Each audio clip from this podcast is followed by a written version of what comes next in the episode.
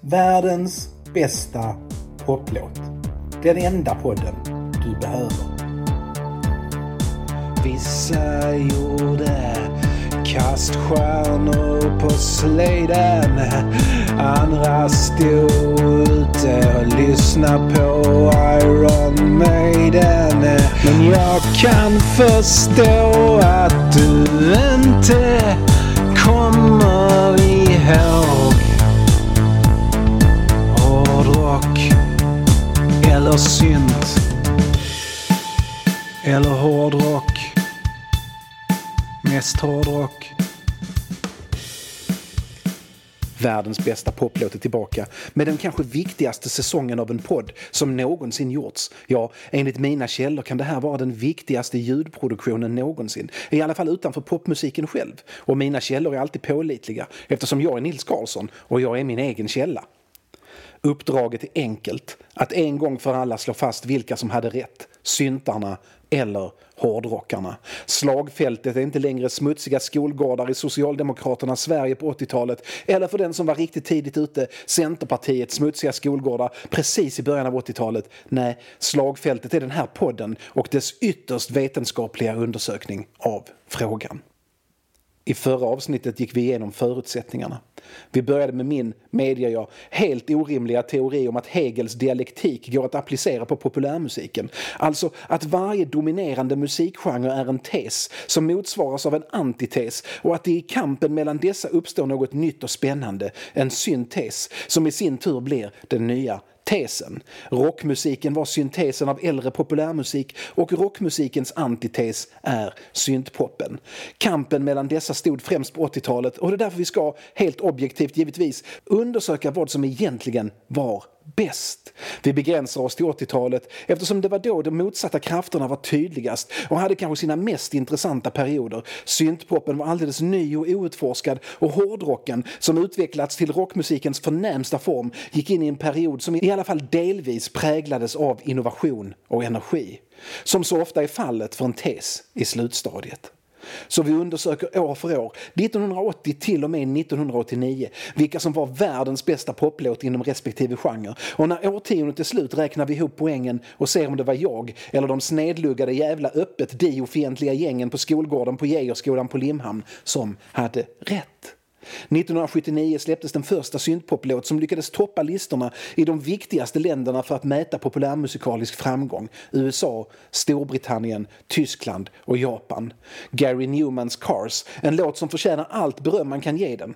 Den hade kunnat vara världens bästa poplåt och i rätt sammanhang så är den ju också det. I förra avsnittet pratade vi om vägen dit. Hur uppstod syntpoppen och hur blev den så fantastisk? Nu ska vi få andra sidan. Hur tog sig rocken till 80-talet? Och hur var rockens tillstånd när vi går från 1979 till 1980? Mådde den bra? Ja, på ytan verkar den vara i dåligt skick. Zeppelin spelade in syntexperiment, Ozzy hade fått sparken från Black Sabbath och snart skulle Sabbaths musikaliska geni och egentliga stjärna Bill Ward också få det. Rolling Stones hade genomgått sin förvandling från relevanta till kringresande tivoli. Deep Purple fanns inte och Richie Blackmore som tillsammans med Dio gett hårdrocken en vitamininjektion med Rainbows tre första skivor bestämde sig för att det var roligare att spela vuxenpop än hårdrock efter att ha gjort den helt korrekta observationen att det nästan bara var män i publiken. Det var inte det att den rock som låg på stora bolag och som spelades på de stora radiostationerna var dålig. Det var bara det att den hade förlorat allt som var farligt och nytt och intressant och rebelliskt. Och inte fan hjälpte punken för den gick snabbt samma öde till möte som rocken och formades mer efter topplistornas krav än av utförarnas behov av konstnärligt uttryck. Men allt var inte förlorat. Som Twisted Sister optimistiskt uttryckte det, you can't stop rock'n'roll” I London, som vanligt, hände det något på pubarna, på klubbarna, bland folket och bland musikerna. Musiker som växt upp med Sabbath och Zeppelin och Purple och Stones och Beatles men som inte kände sig hemma i punken startade egna band och byggde sakta upp en publik som inte heller kände sig som punkare. Människor som ville lyssna på aggressiv musik utan att för den sakens skull nödvändigtvis vilja störta drottningen eller kapitalismen. Ett nytt ljud som plockade inspiration från både progrock, punk, pop och de stora hårdrocksbanden började höras. Samtidigt som syntpoppen växer med sin lätt medelklassiga attityd och romantiska idéer och hedonism växer den. Den nya vågen av brittisk heavy metal och den är gnistan som ger hårdrocken i alla fall tio år till av inspirerat liv. Den nya vågen av brittisk heavy metal gav oss också världens bästa poplåt, också den från 1979 och den är helt enastående och bländande vacker och underbar och inte minst en alldeles osannolik lista listtoppare. Men vägen till den är krokig och brokig. Den börjar i Birmingham, men som talesättet säger, alla vägar bär till London. Den börjar i Birmingham och den börjar precis som den här podden med en fråga. What is this that stands before me?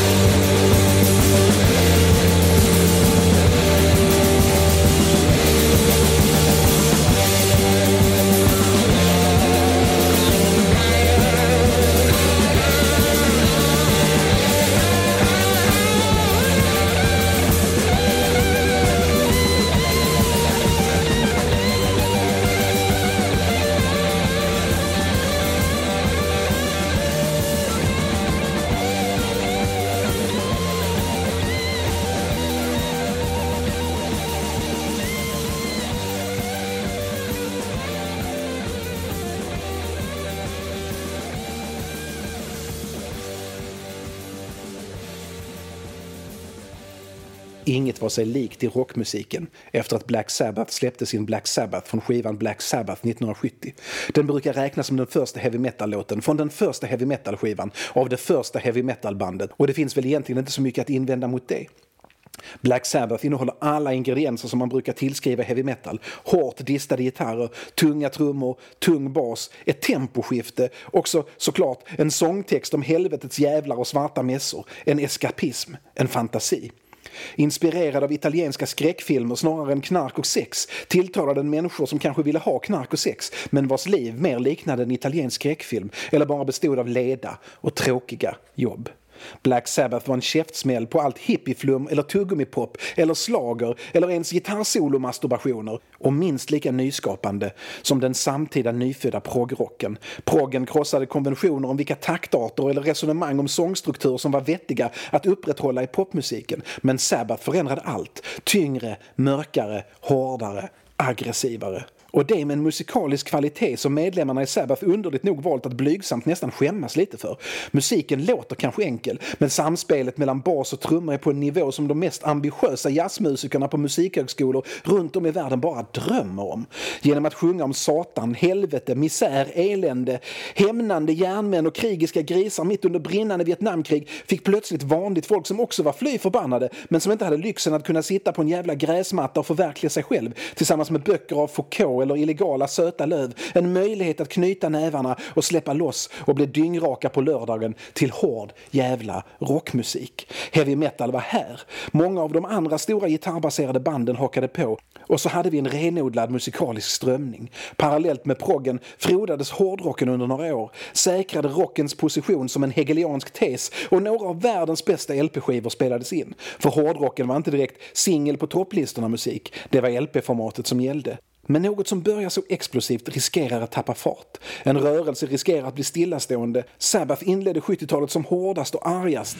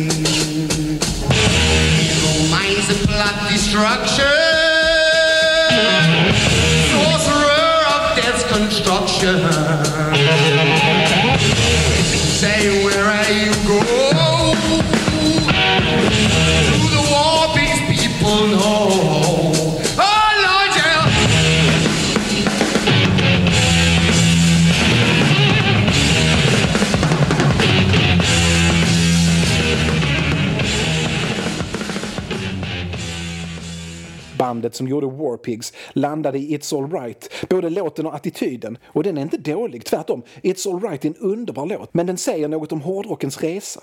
Från vad fan hörde jag nyss till It's Alright, den bästa Oasis-låten som gjorts. Och då har inte ens Oasis något med den att göra.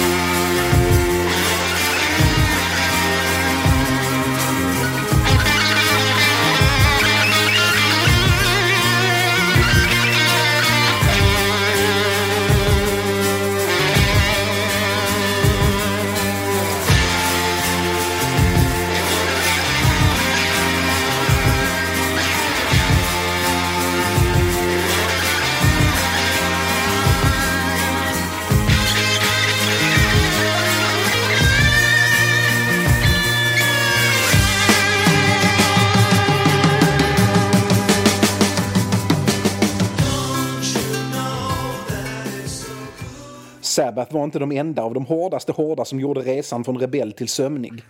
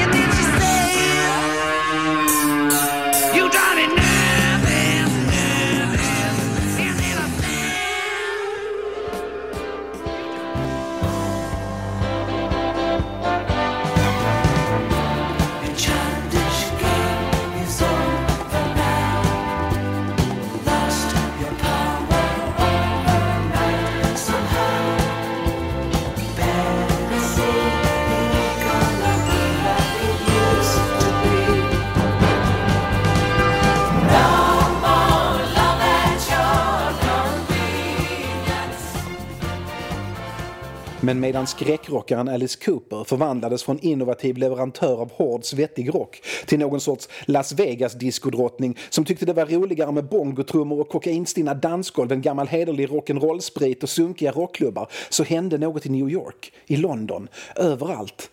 Unga människor och musiker som var trötta på snällhet, vittvättade revolutioner och berättelser från den topografiska oceanen. Människor som inte orkar vänta på att de ska hinna lära sig spela ordentligt. Människor som bara vill uttrycka sig snabbt, härligt och koncist på mindre än tre minuter per låt istället för att uttrycka sig flummigt, långrandigt och om delfiner och albatrosser på 20 minuter. Punken är här och den sveper bort allt motstånd i media. Musiken blir farlig igen. Ungdomarna blir farliga igen. De säger knulla på TV, spottar och slåss och vägrar jobba och skriker “fuck the millennium, we want it now”. Blev du rädd nu din fege fan för ditt eget barn? Det är omöjligt att peka på exakt när och var punken uppstod. Det är ju lika mycket en attityd som en musikstil. Vi måste också skilja på brittisk punk och amerikansk. Det är den brittiska som är viktig för vår berättelse, för det var i Europa som den faktiskt tog över, av en mängd anledningar. De flesta etablerade band hängde inte med, medan andra lyckades fånga tidsandan. Inte många, men de fanns. Den första punklåten från Storbritannien kom i alla fall i början på 1975 och den var undangömd som en singelbaksida, men en singelbaksida som spelades flitigt på klubbar och pubbar och affärer där de unga och arga hängde. Visst, man hör att det är gamla Hawkwind. Det är inte helt oblygt knarkromantiserade rymdrockbandet som redan när låten släpptes hade hunnit sparka mannen som skrev och sjöng den. Bland annat för att han använde amfetamin istället för ungefär allt annat. Helt rätt i tiden och både låten, mannen och legenden kom att spela en viktig roll i hårdrockens återuppvaknande från utsmetad tristess och död på den tredje dagen återuppstånden.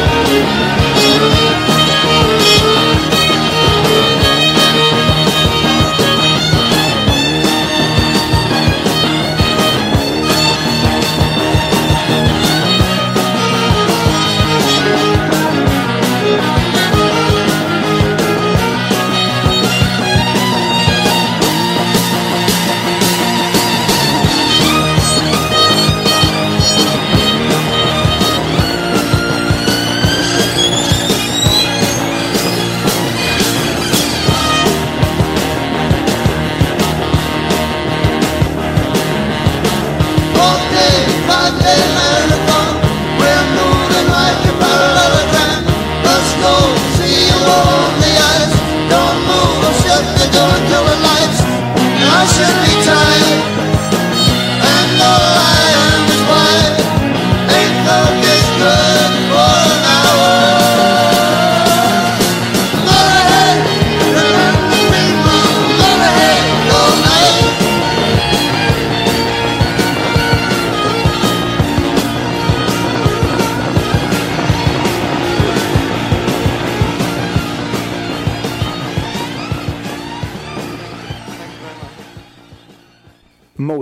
med Hawkwind är den felande länken mellan prog, klassisk rockmusik och punk och sannolikt den enda låten, hur osannolikt den låter, som rimmar Marathon med Parallelogram. Hur som helst, det var 1975 och det var anarki in the UK och varenda journalist och musiktyckare gick all in på punken de kommande åren. TV, tidningar, radio. Det var punk, agitation och möjligen lite new wave. Det började med uppror och slutade med medelklass och yta. Musik och mode rörde sig och lämnade hårdrocken bakom sig. I alla fall vad det var media och skivbolag trodde. Ingen satsade på rockband längre. Och visst, någon behövde faktiskt släpa ut rocken och nödslakta den så att den kunde överleva. Men när kulturlandskapet tycktes flytta på sig lämnades många människor kvar. Människor som inte såg sig som punkare. Människor som tyckte det var jävligt synd att köpa skinnbyxor för 70 pund bara för att slita sönder dem. Människor som fortfarande älskade Deep Purples Machine Head, som fortfarande rockade till Led Zeppelin 3, som fortfarande spelade Thin Lizzy och UFO. Den gamla hårdrocken spelades fortfarande utanför storstäderna, men sommaren i city 1975-6 ägdes av andra. På sitt rum hos sina morföräldrar satt en gosse som heter Steve Harris och drömde om att bli trumslagare. Han ville spela som Phil Collins i Genesis, slå på trumskinnen som Bill Bruford i Yes, hantera trumstockarna som Bill Bruford i King Crimson, ta världen med storm som Bill Bruford i Genesis. Han köpte alla proggskivorna och såklart även Sabbath och Purple och Zeppelin. Han kunde se sig som Bill Ward, kompande de andra i Sabbath. Han föreställde sig vara Ian Pace när Deep Purple rev av ytterligare en 25 minuters version av Highway Star och han fantiserade om att Led Zeppelin en dag skulle ringa honom och säga att de kommit på att det nog finns en snubbe i världen som nog var lite bättre på trummor än John Bonham. Och det är du, Steve. Det är du, Steve Harris. Harris frågar sina morföräldrar och sina mostrar om han kanske, snälla, snälla, snälla kunde kanske få ett litet, litet, litet trumset. Inte en chans i helvetet att han skulle få ett trumset. Grannarna hade redan klagat på höga ljud från det lilla kedjehuset som kommunen betalade. De ville inte bli vräkta. Inte igen. Så Harris gör det näst bästa. Han skaffar sig en elbas och börjar öva. Han spelar till skivorna han köpt. Han älskar progrock och han älskar hårdrock och han spelar varenda vaken sekund han är inte är i skolan. Han ska bli rockstjärna och han är beredd att arbeta för det. Sen kom 1975. Sen kom punken. Och med den kom den kommersiella omöjligheten att spela komplexa kompositioner med temposkiften och 13 åttondelstakter. Istället fick tanken om att det inte bara var så att vilken idiot som helst kunde plocka upp en gitarr och spela in en jävla massa oljud och skrik om att drottningen inte är en riktig människa och släppa det på det egna skivbolaget och tjäna fett med pengar utan att det också var varje förbannad arbetslös ung människas skyldighet och plikt att göra det. Harris var helt enkelt född på helt fel somewhere in time, trodde han. Men gav han upp? Inte då. Han insåg att det var en long way to the top if you wanna rock and roll men det var bara att börja med första steget. Det första steget var såklart att komma på ett coolt bandnamn och rita en cool logga. Han lämnade boogie-rockbandet Smiler som han tjatats in sig i och bestämde sig för att hitta musiker till Iron Maiden. Det coolaste namnet med den coolaste loggan. De använder fortfarande loggan i stort sett oförändrad och det skulle bli de största av de största och det utan att spela fånig treackordspunk. Nej, det skulle låta Sabbath, det skulle låta Genesis och det skulle skulle låta Jethro Tull. Iron Maiden bildades 1975. Fyra år senare skulle de släppa världens bästa poplåt. Och under de där första åren spelade ungefär alla musiker som inte var punkare i London i det bandet. Fan, det var så många som spelade i Iron Maiden att jag misstänker att till och med du gjorde det ett tag. Ja, just du. Också 1975, i en annan del av London, trillar den före detta diskjockeyn och desillusionerade rockaren Neil Kay in på puben Prince of Wales i Kingsbury. Kingsbury ligger väldigt långt från Londons centrum på många sätt, geografiskt, ekonomiskt och kulturellt. Prince of Wales var ett klassiskt public house, byggd för det, en 1700-talsbyggnad som byggts ut lite då och då. På 1930-talet tillkom ett dansgolv och en scen för dansband med plats för 800 människor, ja alltså dansgolvet då, inte scenen. Men jazzklubben dog ut när kriget kom och efter det hyrdes den mest ut till föreningar och sånt. På 60-talet köpte man in ett överdrivet kraftfullt ljudsystem med planen att få de största popgrupperna att komma dit och uppträda och sätta Kingsbury på kartan. Det största namnet de lyckades boka var Status Quo, fast innan de slog igenom med låtar om tändsticksgubbar. Det råder dessutom delade meningar om huruvida Status Quo faktiskt dök upp den där gången då de var bokade att spela. 1975 hade man börjat med diskotek på onsdagar. För på lördagar gick det inte att ha disco eftersom ingen i Kingsbury ville vara i Kingsbury och om de hade chansen att vara någon annanstans än i Kingsbury. Man ville till city om man inte behövde gå upp tidigt nästa morgon. Kay hade hört rykten om att man letade efter en DJ som inte började misshandla gästerna om de började önska låtar istället för att lita på att diskjocken kunde sitt jobb. Det kan vara jag, tänkte Kay. Att inte misshandla folk är jag väldigt bra på. Pubdelen av Prince of Wales var rökig och besökarna verkade vara mestadels medelålders äldre män och kvinnor. Ett par blinkande spelmaskiner stod bredvid dörren till dansgolvet. Kay var klädd som om han hade rymt från 1967. Med långt hår som om han hade rymt från 1967 och en mustasch som inte ens var okej 1967. Han minns det som att alla stirrade på honom när han gick genom rummet. Väl inne på dansgolvet slås han över stort det är. Något som säkert förstärktes av att det bara var ett 30-tal människor där. September, depression, London så långt ifrån den hippa ungdomen man kunde komma. Eller?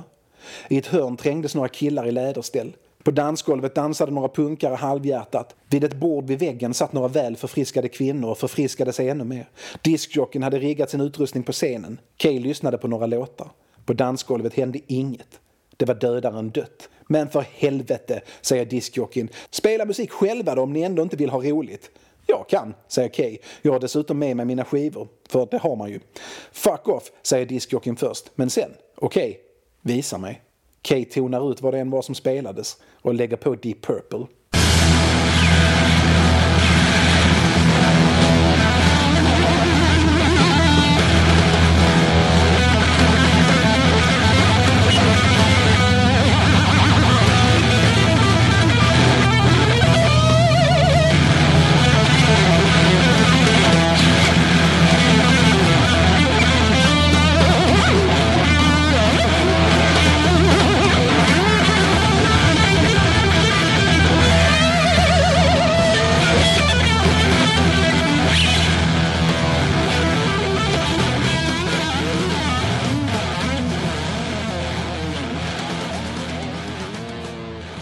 Deep Purple borde varit döden för ett dansgolv 1975. Men något händer.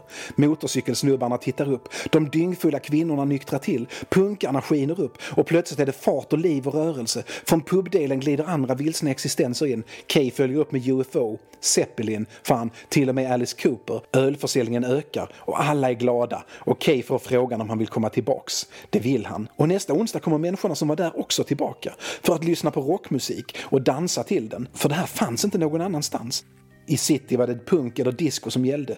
Det som det skrevs om i tidningarna, spelades på radion, hypades av de hippa, men rock'n'roll fanns fortfarande i människors hjärtan. Och Gud tittade på Kingsbury och sa att i början, 1975, visste människan knappt något om rock längre. Var det ljud och det var ljud. Var det ljus och det var ljus. Var det trummor och det var trummor. Var det gitarr och ta mig fan om det inte var gitarr också. Var det rock och det var rockklubben The Soundhouse, som Kay kallade sin klubb. På dansgolvet The Bandwagon. På puben The Prince of Wales i mörkaste Kingsbury, vars tidigare enda claim to fame var att Shirley Eaton, tjejen som dör av guldfärg i Goldfinger, hade växt upp där och att Chris Squire från Yes tydligen fortfarande bodde där. Ryktet spreds. Det fanns ett ställe där man kunde vara sig själv i London. Ett avspänt ställe där rockare och punkare kunde umgås utan att behöva misshandla varandra. Där man kunde lyssna på rockmusik utan att bli uttittad som en stenåldersidiot.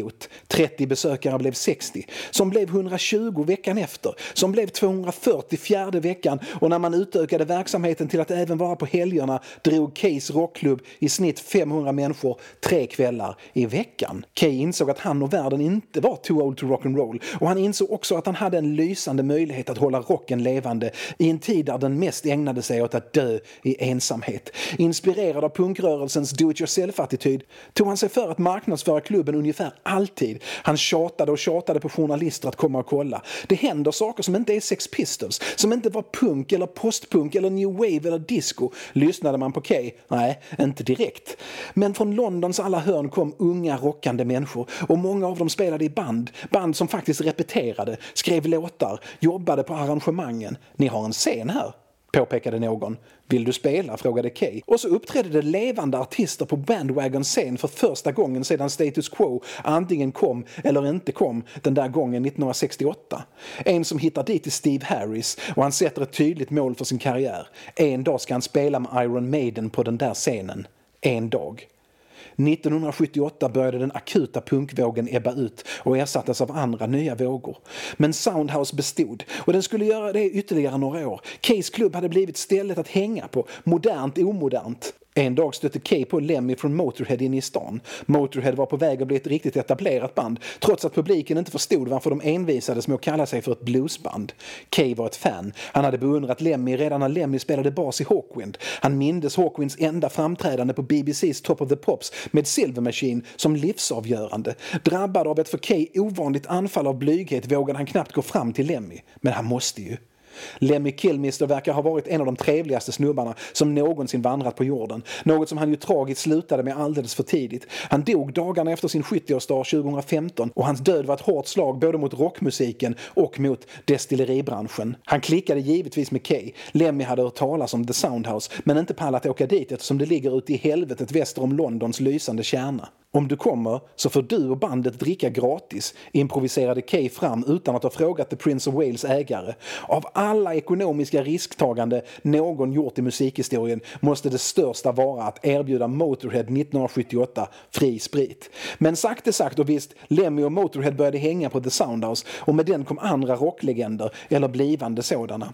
En stjärnas agerande som förundrade Kay var Rob Halfords, sångaren i Judas Priest, som också nappade på erbjudandet om gratis dricka bara det att han bara beställde juice och mjölk. Vissa klarar liksom inte av att leva upp till rockmyten. Så till slut var pressen redo att skriva om fenomenet. Tidningen Sounds gjorde ett kort reportage och efter uppmuntran av Lemmy, handgripligen, beskrev stället som paradiset för heavy metal. Sounds blev den första tidningen som regelbundet började skriva om metal men andra följde snabbt efter. Nya klubbar öppnades, till och med i centrum. Hårdrocken började ta sig tillbaks i medialjuset. 1978 var också ett stort år för Iron Maiden. Efter att Maidens sångare Dennis Wilcox lyckats sparka hela bandet, inklusive sig själv, fick Harris börja bygga om från grunden. Wilcox hade varit deras stora publikmagnet, en karismatisk kille som viftade med svärd och spottade blod på scenen, men han var inte direkt någon bra sångare. Harris bestämde sig för att ge bandet ett sista försök och den här gången bara spela med de allra bästa musikerna. Han frågar sin barndomskompis Doug Samson, som spelade trummor, de har spelat ihop innan, om han vill vara med. Det ville han.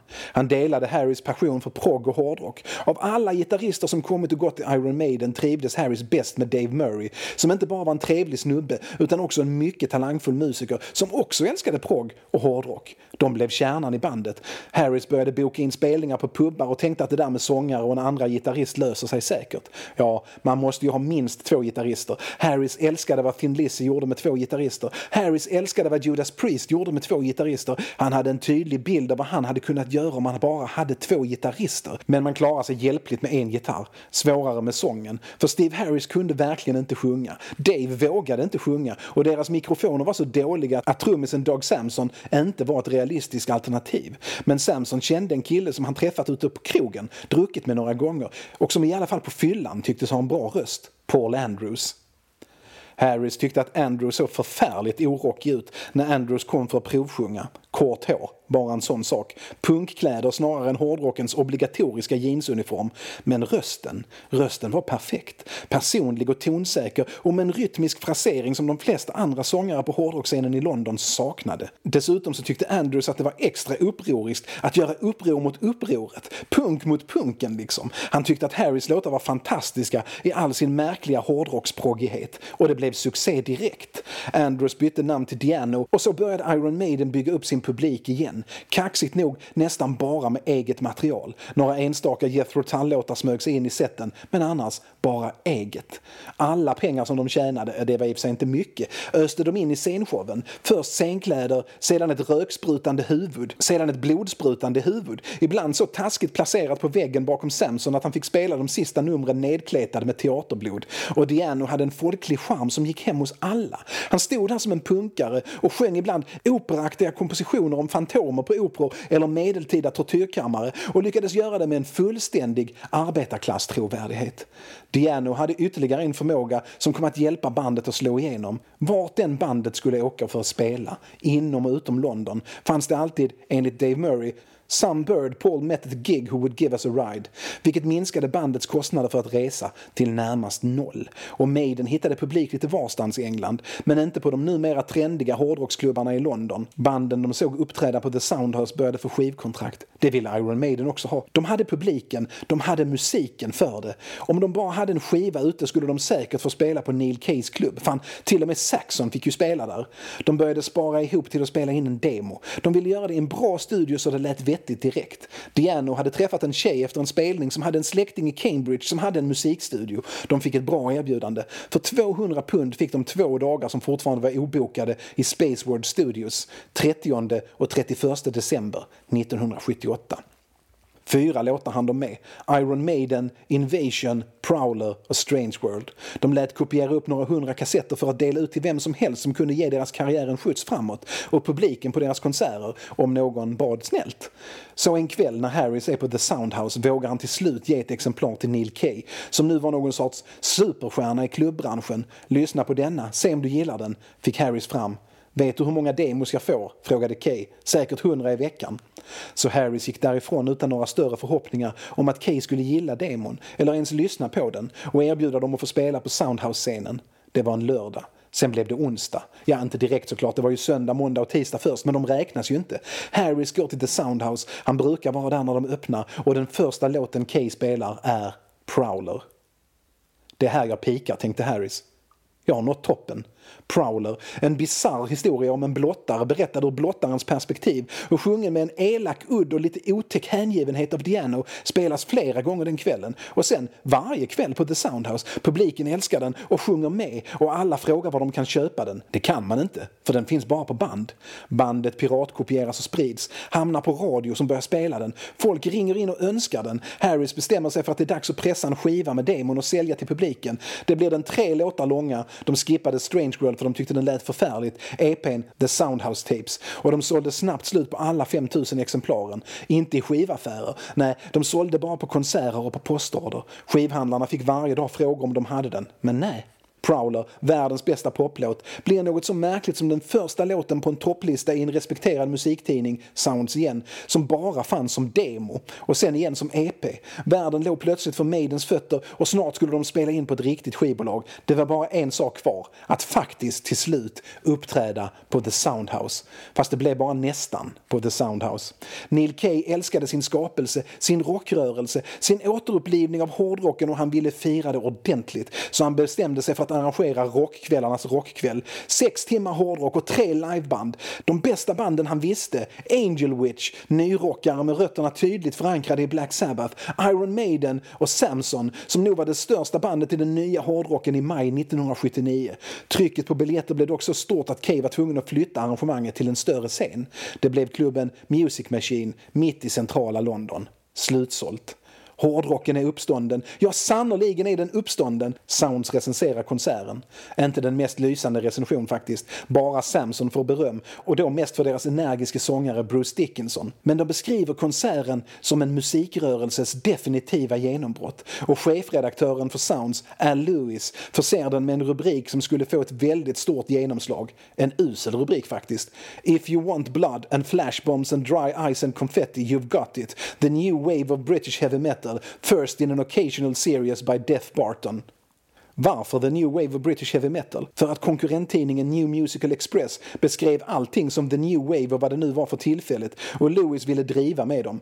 Men namnet stannade kvar och fick beskriva den nya brittiska hårdrocken som svepte över världen och förändrade rocklandskapet för alltid. 80-talet skulle bli ett fantastiskt kreativt årtionde för hårdrocken. Kanske det sista fantastiska årtiondet för hårdrocken och det var den nya vågen av brittisk heavy metal som startade det. I december 1979 toppar Iron Maiden listan över mest önskade rocklåtar på radio. Och när vi går in i 80-talet gör vi det med både tes och antites i högform. Hårdrock eller synt, synt eller hårdrock. Det här är i alla fall Prowler, världens bästa poplåt.